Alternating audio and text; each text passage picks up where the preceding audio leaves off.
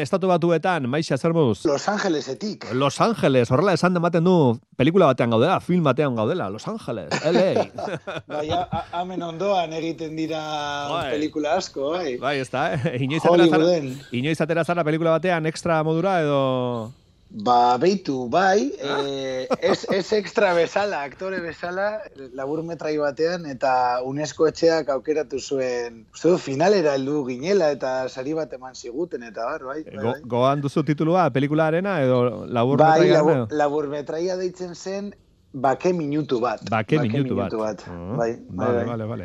Uxune Martínez. Kaixo, hemendik Bilbotik. Bilbotik. bueno, Bilbon ere ez pensa, eh? Adibidez, eh, akorratzen naiz, Bilbon filmatu zuten beraien pelikuletako bat Wachowskitarrek, ez da? E, horre, bai. gero, bueno, Matrixen gatik ezagunak egin zirenak, eh? Bai, bai. E, e, eta, eta James Bond. Eta James Bond, hori da. Hori da, hori da, eta beste asko, beraz, Los Angelesen bai, baina hemen ere, eh? Bai, bai.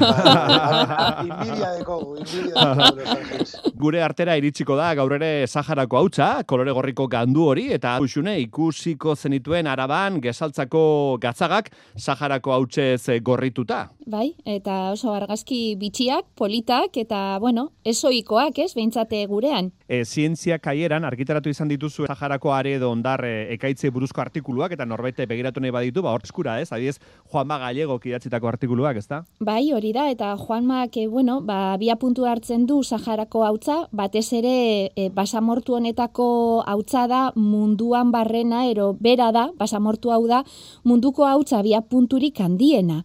Eta, bueno, ba, Juan Make komentatzen du zelan hautz hau e, ba, aire bitartez eta abian jartzen da, batez ere udaberri amaieran mm. eta baita ere e, uda hasieran ba, gertatzen dena da bueno ba aurten antza arinago abiatu dela mm eta ederra bada ongarri gisa ere baliagarria da gure lurrarentzako. Baita bueno Juanma komentatzen du zela nilgarria ere baden. Mm. eta zelan azterketa batzuk esaten duten ba bueno Afrikako aurretan hainbat eriotz e, sortarazten duela hautzonek eta 2015ean esaterako 400.000 aurren eriotza eragin zuela hautzonek Ez du ginor beldurtu nahi baina datuek esaten digute e, ondarronen partikula txiki hoiek eragin izan dituztela eriotzeak eh, Afrikan, eh? Bai, hori da. Hori, bai, bai, bai. Beraz ederra eta beste alde batetik hiltzaia ero bada ere. E, Ukrainako garrari begira jarritzen dugu, Maixa, gaur aztertu nahi duguna da,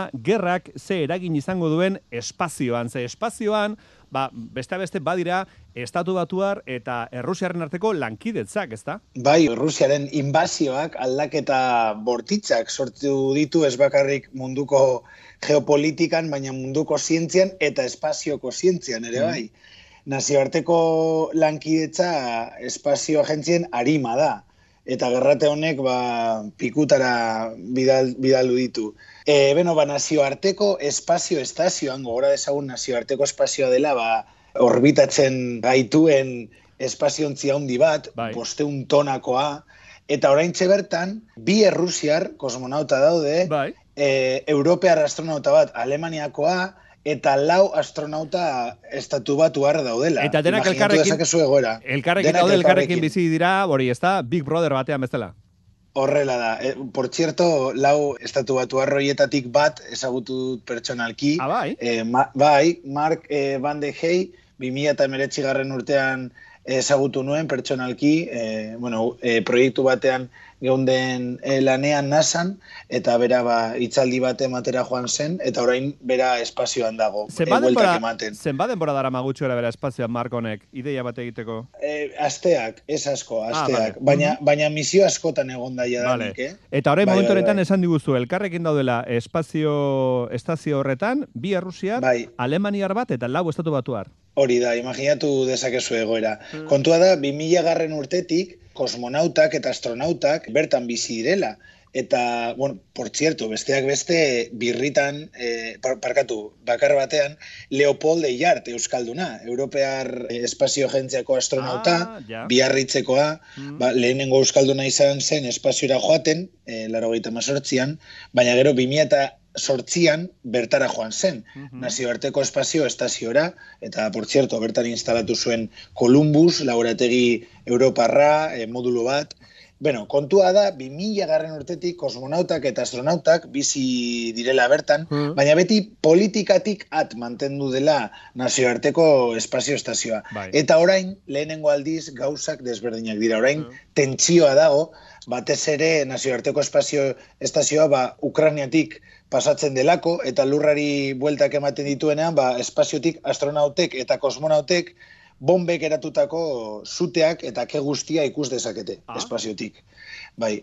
Eta gerra hotza e, ofizialki bukatu zenetik, orain da hogeita maika urte, Errusia eta Mendebaldearen arteko elkarlana espazioan ba, nabaria izan da. Mhm. Baina orain, e, lankidetza hori ba, kolokan dago eta proiektu asko ba, bertan bera gelitu egin dira. Bai. Nazioarteko espazio estazioan, Errusiak beste amalau nazioekin egiten du lan, hmm. estazioaren zati bat gogora dezagun Errusiarrek eraiki zutela, eta bertan bizi direla, kosmonautak, esperimentuak egiten eta bar, eta beste aldean, ba, estatu batuak, Europa, Japon eta Kanadako espazio agentziak. Eta erlazioak sendotzeko, ba, bete behar batzuk oso garrantzitsuak dira. E, konfidantza handitzeko diseinatu egin zirenak esate baterako. Mendebaldeko aldeak ematen dio elektrizitatea Errusiako aldeari. Eta Errusiako aldean, zuzentzen daba, orbita, hau da, e, nazioarteko espazio estazioa ez geizteko altitude basuetara, mm. eta lurrako atmosferan ez desegiteko, ba, Errusiarrek kontrolatzen dute hori. Eta bero, ba, kontua da, e, Errusiako espazio agentzia burua, Dimitri Rogozin, ba, bueno, ba, sirikatzaile gisa gertu da sare sozialetan, ba, esate baterako Twitterren e, ba, publikatu ditu e, Soyuz, e, susiri batean, gogora dezagun astronautak eta kosmonautak bidaltzeko e, Soyuzak erabili direla, eta erabiltzen direla oraindik er, errusiarrek egindakoak, eta bertan agertzen dira, ba, nazio askoko ba, banderatxoak, eta bueno, ba, e, Twitterren e, rogozinek e, ba, ipini ditu e, bandera horiek ba, nolabait ba, zelo batekin, zelo baltz batekin eta ba, tapatzen nolabait bandera horiek kenduta errusiarra. Eta, bueno, esan ez, ba, nasako astronauta bat abandonatuko dutela bertan, ea zelan bueltatuko den, ez dakit zer, ez dakit norbeno. Eta ba, txantxaiak egin ditu, esan duzu, errusiako zer, espazio alorreko arduradunak edo? Espazio agentziako buruak. Buruak. Ganera, bai, bai, e, e, lehenengo ministro ordea izan zena, Dimitri uh -huh. Rogosin. Bueno, ba, kontua da, e, iru kosmonauta e, nazioarteko espazio estaziora bidaliko direla Kazajistanetik, martxoaren em, emesortzian, eta eta gero hilabete honetan bertan, martxoaren hogeita marrean, NASAko astronauta bat eta beste bi kosmonauta rusiarrak bidaliko direla Soyuz e, batekin ere bai Kazajistanetik eta hori oraindik mantendu egin dela. Baina, badaude beste gauza asko, ba, bertan bera gelditu direna. Por cierto, ba, proiektu haundi haundi bat zena artizarra, mm. era e, e, misio bat e, zegoela, bere izena zen benera de, ba, Errusiak esan du ja, bertan bera geldituko dela hori, e, nola baiteko e, kolaborazio bat zen NASA eta Errusiaren artekoa, lankidetza, eta bertan bera utzi dute, e, errusiarrek, gero ere bai e, oso importantea zena e, ba, Europaren txat, Europako espazio agentziak e, bidaliko zuen e, Robert bat, ExoMars deitzen dena, misio bat, eta kontua da, e, Zuziria errusiarra zela. Eta errusiarrek ere bai, ba, kantzelatu egin dute e, Zuziri honen jaurtiketa. Yeah. Gero ere bai, e, beste gauza batzuk e, mantentzen ari dira momentuz, ba, esate baterako, nasak e, behar du e, errusiarren e, komunikazio sistema bat, e, marten bertan hmm. e, dituen datuak e, lurrera ekartzeko esate baterako. Garbi dagoena da, garbi dagoena da maixa, harreman oso estua dagoela Errusiar eta Nasaren artean, ez da espazioa. Bai, bai, bai, eta, e, eta Errusiarren eta eta Europako kideen arte esate baterako e, zuaren portaera, zero gravitatean, hori Errusiako lankidetzan, e, Errusiako eta Europarren arteko lankidetzan e, ikertzen da. Beste adibide bat, PK lau izeneko laborategi bat, ba, e, plasma kristalak e, bertan espazioan ikertzeko, ba, Alemania eta Rusiako proiektu bada eta orain ba, kolokan daude. Eta, e, bueno, ematen ari, edo pasatzen ari dena hemen da, ematen du, bai. gerrate honen ostean, pasatuko dela da, e, ba, Errusiak ja eten egingo dituela e, kolaborazioak e, Europarrekin eta Estatu Batuarrekin, eta mm. Japon eta Kanadarekin, eta hasiko dela ja sakonki txinarekin e, lankidetzak egiten espazioan, espazio mm. arloan. Eta ari dira ja hitz egiten, e, planak eraikitzen ba, bertan e, ilargian e, base bat instalatzeko. Eta antza, ba, ja, e, bien artean, Errusia eta Txinaren artean, ari dira planak egiten, ba, ba bertan e, base e, bat e, e, ipintzeko go, go, gogora dezagun, e, e, Txina ba, bi, bi, bi gauza hundi egin dituela, bat da e, lehenengo biderrez, e, ilargiko alde izkutura bota duela Robert bat, eta hori orain dela gitzi pasatu zen lehenengo biderrez, eta lehenengo biderrez jaso dituela ja e, e, Marteko e, zera, e, arrokak ere bai analizatzen ari dela. Bai. Beraz, e, Bai, ba, ematen ari da, e, e, edo, edo pasatzen ari dena da, gerrate honek e, piztuko duela eraberri bat espazioan. Bai, eta ardatz berri bat sortuko da espazioan, Txinak eta Errusiak osatuko duten, eta Txinak hautsiko ditu, itxura guztiela gara, espazioan, estatu batuarekin eta Europarekin zituen harreman guztiak, ezta? Horrela da, gerra hotza eta gero, ba, hogeita maika urtez, e, bueno, gora dezagun gerra hotzan logikoki, ba, e, e, sovietarrek eta estatu batu erren arteko lasterketa bat egon zela. Egon zela, bai. Eta bakarri bi, bi hoien artean. Gero, gerra hotza eta gero, ba, e, Errusia, ba, Japon, Kanada, estatu batuakin eta Europarekin egiten zuela lan, eta orain, ba, ematen du, ba, Txinarekin joango dela lan egitera, olako proiektuetan espazioan. Uxun, ematen du pelikula bat, oino ez da pelikula bat, eh? Ez, inondik inora ez, bai, bai, bai. Bueno, imaginatzen dugu, espazioko eh, operazio guztiak diseinatzen direnean, matematikak garrantzia handia izango duela, ze uxune, matematika oso presente dago bizitzako hainbat alorretan.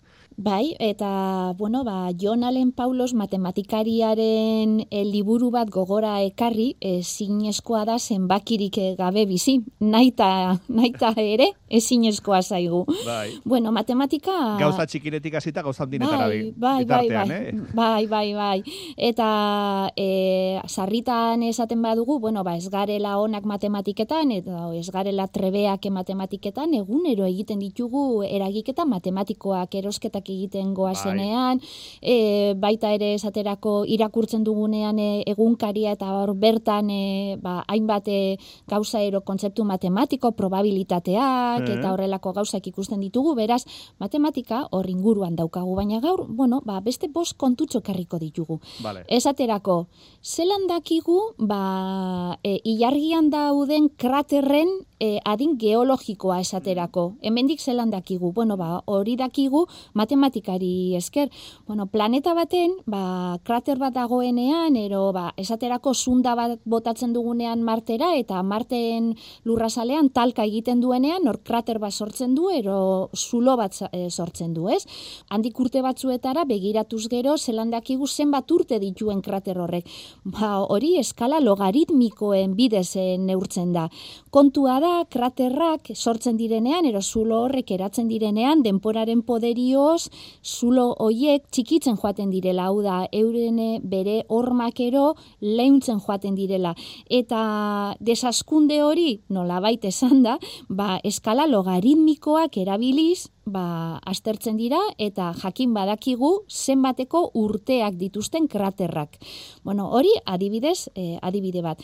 Beste kontu bat, nork ez ditu erabili braketak? A, bai. aginetako badakizue, bueno, hainbat arazo, e, ahoetan izaten ditugun hainbat arazo konpontzeko, ez? Eh. Ero, ba, aginetako gure posizio, bueno, ba, eskaza ero, ba, zuzentzeko, ez? Bai. Ba, kontua da, braketak egiteko eta, ere matematika erabiltzen dela. E, matematika. eredu matematikoak erabiltzen dira. Bueno, braketak e, nolabait e, dira horrelako plakatxo batzuk, nun gure aginetan itzatzi egiten dira, gero plaka hoiek ba, alambre batekin lotu egiten dira, eta e, gure aginlariak noizbeinka ba, egiten duena da, ortodontxistak egiten duena batez ere da, tentsio bat e, e, eraginero egin hor braketetan, eta estutu egiten du, ez? Gure mm. estutu egiten du. Ha, kontua da, zenbat tentsio ero, zenbat indar egin behar da e, braket horiek ez apurtzeko. Ba, hori eredu matematikoekin egiten dituzte aurretik. Hau da, braket jakinak, modelo desberdinak egiten dituztenean, matematika aplikatzen diote jakiteko zenbateko indarra, ero zenbateko tentsioa aguantatu, ero, bueno, ba, jasango duten, ez? Braketak. Hori da, apurtu gabe. Beraz, horretarako ere matematika erabiltzen da, eta egun badabiltza esaterako, bueno, ba, e, eredu matematiko bat egiten, e, non e, pertsona jakin bati atxikitako, bueno, braket bereziak sortzeko aukera mhm. egongo den. Eta horretarako ere, eredu matematikoak erabiltzen dituzte. Esaterako, musika, zelan grabatzen da musika CD-etan, ero mhm. musika digitalki zelan grabatzen dugu? Bueno, ba, kontua da, musika, e, soinu batzuk, ero soinuak frekuentziaren arabera, hau da, noten arabera, deskomposatu daitekela. Eta baitea ere amplitudearen arabera, hau da, bere volumenaren arabera. Orduan, soinuak zenbaki zerrenda bat bihurtzen da. E, hau da, frekuentziaren arabera, frekuentzia bakoitzari, nota bakoitzari zenbaki bat ematen zaio, eta gero volumenari, ba, e, tonu bakoitzari, ere beste zenbaki bat ematen zaio, ez? Orduen, zenbaki horren bidez, nolabait transformatu egiten da musika eta biltegiratu egiten da. Mm. Eta hori zelan egiten da, ba, furierren transformatua deritxon sistema batengatik, hori mm. matematika da, adierazpen matematiko bada. Bai. Orduan, horri esker, ba, musika behin zenbakiak bihurtuta, musika biltegiratzen dugunean manipulatu daiteke, hau da, mm konprimatu daiteke, iragazi daiteke, zarata kendu aldizkiogu, efektua gehitu aldizkiogu, mhm. eta horrelakoak.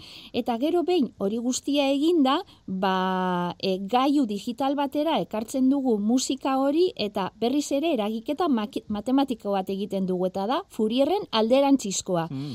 hau da, e, grabatzeko furierren transformatua eta gero entzuteko furierren alderantzizkoa erabiltzen da. Beraz, ba, e, adierazpen matematiko bat. Eta barrakodeak, Nola sortu ziren barrakodeak? Ba, bueno, e, barrakodeak oso ohikoak dira, adibidez, zerbait erosten dugunean, ba, produktu guztiak barrakodeak dituztelako, Gero, ez? Gero, e, zerak kobratzaia pasako du produktu eta pipi, egingo du, ez? Barrakodeetan... Bai. E... Bai. Soinu hori aterako du, ezta? Bai, ba. Barako den bitartez. Hori da, eta sortu ziren mila bederatziren eta berrogeta margarren e, urtearen inguru, estatu batuetan sortu ziren, eta helburu jakin bat zuten, eta da supermerkatuetako itxarote ilarakero, e. ilara luze hoiek ekiditea. Hori zen zergatik, ba guk produktuak, orduan produktuak, ba erosterakoan, behin kutsa zainetik pasatzen ginenean, ero kutsatik ordaintzeko, kutsa zainak, e, produktuaren izena sartu behar zuelako, tekletea, tekla, teklatu egin behar zuelako, ero adierazi eta gainera horren presioa, eta hortan denpora asko galtzen zen. Orduan egin zuten asan horrelako zenbaki e, formula matematiko bat, non identifikatu egiten da produktu bakoitza amaka, amairu zifra, erabiliz. Uh lehenengo bi eroiribuak herria identifikatzen dute, hau da nundik datorren produktua, urrengo lau bostak ba, ze enpresak egin duen, eta gero gainontzekoak bueno, ba, produktuaren xehetasunak eta adierazten dute. Beraz, e, barrakodeak ere, hor ostean, matematika dugu. Falta da formula matematiko bat asmatzea, e, usune. E, zein? Supermerkatuko hiladarik azkarrena zein izango den atzemateko edo asmatzeko e, formula matematikoa falta da. Ze, sekul ez duz aukeratzen, ba. azkarren joango dena. Bueno, ba, badago, Badago? Badago, eta horretan esaterako Euskal Herriko Unibertsitateko matematikari bate, Raúl Ibañeze, korri inguruko artikuluak ditu. Ah, ekarriko diguzu datorren astean. Ia, aurkitzen dudan, vale, eta ero bestela berarekin hitz egingo dut, baina berak beti esaten du probabilitate handia dugula okerreko e, zera, e, ilara ero aukeratzeko. Bai, bai, beti gertatzen da, bai, bai, bai. Bai, eta bueno, ba, azkeningo kontua bai, matematika, matematikaren erabilpenari buruz. Zertan erabiltzen da? Bueno, ba, adibidez, gaixotasun batzuk ditugunean, bat, esaterako, aorta estenosia. Bueno, aorta estenosia da ga, gaixotasun bat, non aortako balbula estutu egiten da, eta hori dela eta odol fluxua gaizki e, joaten da, ez? Hori dela eta, bueno, ba, balbula hori aldatu ero erreparatu egin behar izaten digute. Kontua da, e, zelan nahiko ebakuntza, bueno, ba, garrantzitsua dan, ba, alegindu dira, e, ebakuntza zabal bat egin beharrean, bueno, ba, kateter baten, e, kateter baten bidez, horra sartu organora, eta balbula hori aldatzea, ez? Eta, bueno, zelan egin dute hori? Ba, simulazioak e, egin ez, hau da, e, aldaketa hori egin aurretik, simulazio matematikoak egiten dituzte eta ikusi egiten dute paziente horri zernolako balbula jarri behar zaion, ez? Eta, bueno, ba, tamainekoa eta sor daitezken e, komplikazioak ere aurrezan egiten dira. Uh Torretagako dago teknika bat, tabi deitzen dana, matematikasko simulazio batzuetan oinarrituta, eta horrela dakite, zelan ekidi ba, bueno, ba, aldaketa hori egiten dutenean, ba, albondorioak eta ba, gertatzea. Gertatzea. Beraz, ba, hor... Zenbat aplikazio. E, ba. Imaginatzen dut, maixa, e, eskolan eta e, gaztetan oso trera izango zela matematikekin, ez? Nik mm, gehien maite duen hizkuntza matematika da. Beitu, ganera, ganera, bueno, edo trebeen anazena. Baina beitu, e, inoiz ez dut aztuko gauza bat, e, elkarrizketatu zidatenean e, Cambridgeko unibertsitatean, bai. bertan ba, irakasle bezala eta ikerleri bezala lan egiteko, gogoratzen dut e, galdera bat egin zidatela, ez esan zidaten, bueno, e, zu fizikari bezala e, erakutsi duzu ba, ba, biologiako arazoak ba, konpondu aldituzula, guazen esatela, azaldu aldituzula. Mm -hmm. Zuk uste duzu aldrebez posiblea dela, ez, biologo e, batek e, ba, nolabait ba, fizikako e, problemak e, batzi aldituela, edo biologiak e, nolabait azaldu alduela fizika. Eta, klaro, bera zen e, biologian katedra duna. Ordun, ordun esan nuen beno, e, elkarrizketan bertan esan nion, e, ez dakit, ez dakit. Eta gero, elkarrizketa bukaeran galdetu zidaten. Galderarik duzu guretzako eta galdetu nien. Zuek uste duzu biologo batek e, e, batzi aldituela fizikako arazoak eta hasi ziren parrezka eta, eta esan tipuak. Ez. Eta esango dizu zergaitik. Biologia guztia azaldu daiteke kimikaren bitartez. Kimika guztia azaldu daiteke fizikaren bitartez. Eta fizika guztia azaldu daiteke matematikaren bitartez. Beraz, matematika da eh, Top. daukagun erraminta bat, bai, daukagun erraminta bai. bat fizika saltzeko, fizikarekin kimika saldu dezakego eta kimikarekin biologia saldu. Bizitza saltzeko, ez da, usune? Hori da. Bai, bai, bai. Niri asko gustatzen zaite, John Allen Paulos matematikaria, ze hainbat liburu ditu matematikaren inguruan, egunotan daukagun esaterako, hautz e, gandua dala eta, mm ez? Bitxia da, ez? E, Mediterraneoan ematen da, baina hemen ez da ematen e, ba, hain sarri ero, ero ez dugu ikusi, ez? Esaterako, euria, euria bai da fenomeno bat, gurean sarritan ikusi dugula eta ohikoa dela, ez? Ba, matematikari honek Paulosek badu e, esaldi bat e, esaten duena eta asko gogoratu naiz berataz. Oso probableak ez diren gertaerak aize gerta daitezke eta alderantziz gauza zehatz bat gertatzea ez dela horren probablea. Beraz, Euskal Herrian ikusi dugu, bueno, ba, probableak ez diren gauzak, esaterako hauts gandu hau, bai gertatu izan dela, mm. eta ohikoa den gauza bat gurean, esaterako euria, ba, batzutan ez dela hain probablea, ez? Ez delako eman, ez? Mm. Beraz, matematikak ere gauza asko azaltzen ditu, eta, bueno, ba, egia san oso polita da. Maixa, astona pasa? Bezarka da haundi haundi bat eta gora matematikak. Usiune, segi ondo. Ondo, nebili, agur.